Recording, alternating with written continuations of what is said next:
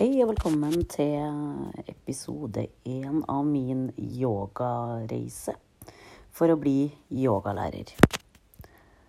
Um, jeg har fått en del spørsmål om hvorfor jeg valgte å bli yogalærer, eller ta den utdanninga. Og jeg har sittet og fundert litt på det sjøl. Hvorfor valgte jeg egentlig den veien jeg har valgt? Og um, for å starte med begynnelsen først, da, så uh, for en, tre år siden så starta jeg litt med yoga hjem. Det var søstera mi som fikk meg inn på den tanken at start med yoga, sa for at yoga er bra mentalt, og det roer også ned for deg som er litt stressa og har en del smerter i ledd. Så tenkte jeg at OK, greit, prøv litt. Så prøvde jeg litt på gulvet hjemme da, med litt yoga. Og så tenkte jeg med meg sjøl at eh, ja, det her er jo veldig enkelt. Det er jo bare å gjøre et sett med øvelser, og så har du liksom gjort yoga. Men eh, etter hvert så begynte jeg jo å tenke at det her var jo mer enn å stå på gulvet og tøye og bøye. Og da sier min søster at eh, du, du må faktisk kombinere pussen. Og det der er feil, de øvelsene, når du gjør dem, tenkte jeg det er et sett En måte da å gjøre det på det her. Så tenkte jeg at OK. Her må jeg også kombinere pussen. Så starta jeg litt med YouTube da, og så litt på der med nybegynner. Og begynte å gjøre litt øvelser ut og, om sommeren. Og jobba litt sånn eh, med en sånn litt sånn enkel daglig praksis. Og begynte ikke mer enn fem minutter av gangen, da. Men etter hvert så balla det liksom bare mer og mer på seg. Og ønsket om liksom å lære mer om hva yoga egentlig var. Han ble jo eh, sterkere etter hvert som jeg utførte eh, de her praksisene hjem. Eh, så jeg lånte jo meg en del bøker om yoga. Begynte jo å lese om hva yoga egentlig er.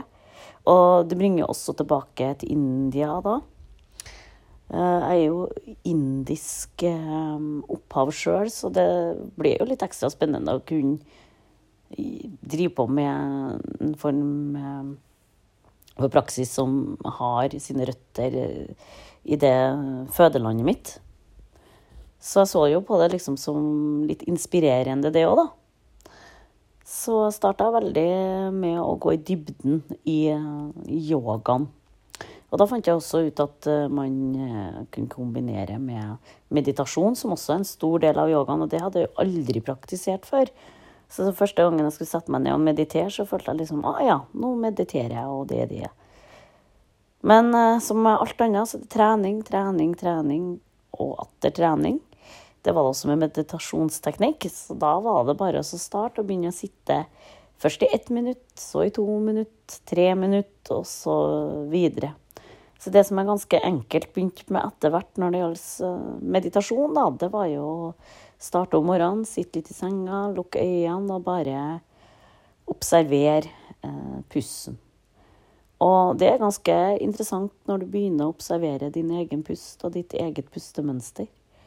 Og det å vende blikket innover eh, i kroppen, det var jo noe jeg ikke var vant til. Som føltes veldig eh, ekkelt først. Altså det ble en sånn slags motstand mot å gjøre det. Men gjennom motstand ja, så bygga det seg også opp en sånn indre drive og liksom Hva er det her for noe? Ikke sant? Uh, hva skjer når jeg vender blikket innover, uh, og masse følelser kom, og uh, intensjonen ble jo sterkere da, for å, å lære å meditere. Så det liksom, Både meditasjon og yogaen begynte jo i veldig små steg til meg. Ehm, etter hvert så kjøpte jeg meg klippekort, sånn at jeg kunne starte på eh, yogasenter i Trondheim. Og mitt første møte med yogasenter, det var jo egentlig ehm, ganske utfordrende, for der var det jo plutselig så ble det jo satt i ei ramme. En slags kontekst, alt det vi skulle gjøre.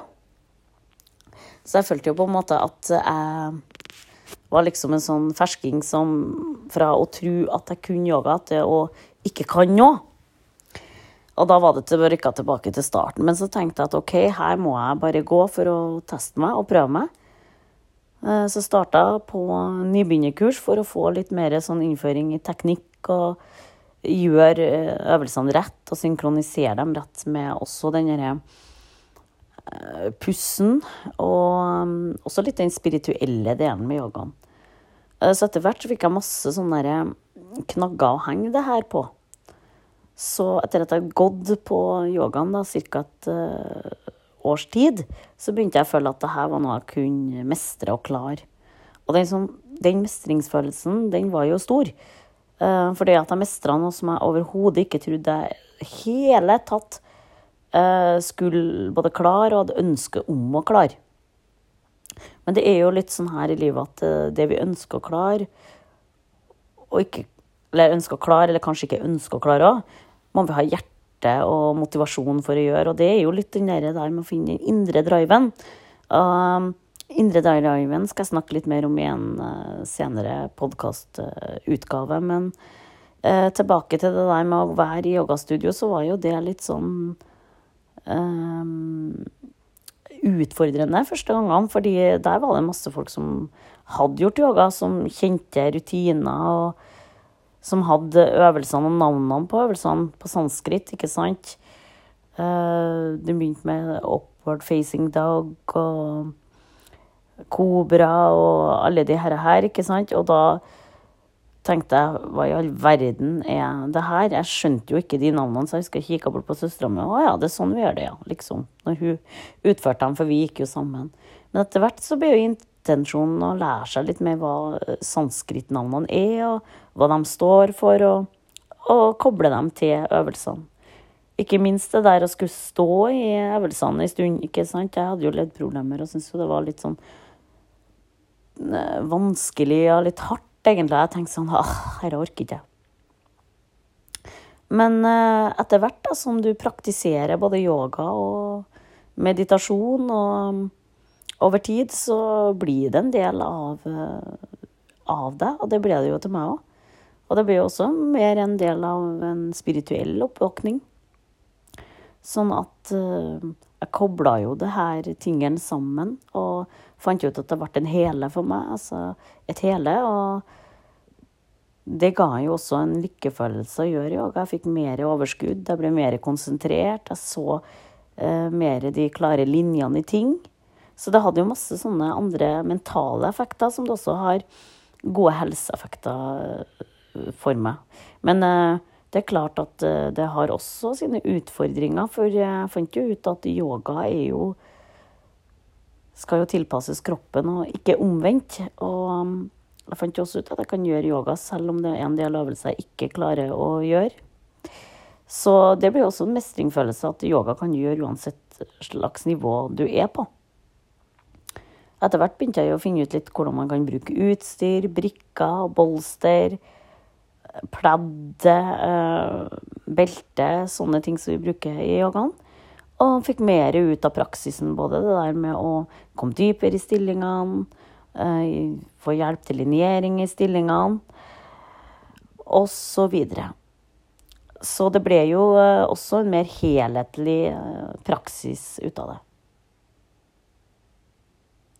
Etter å ha praktisert eh, yoga i ca.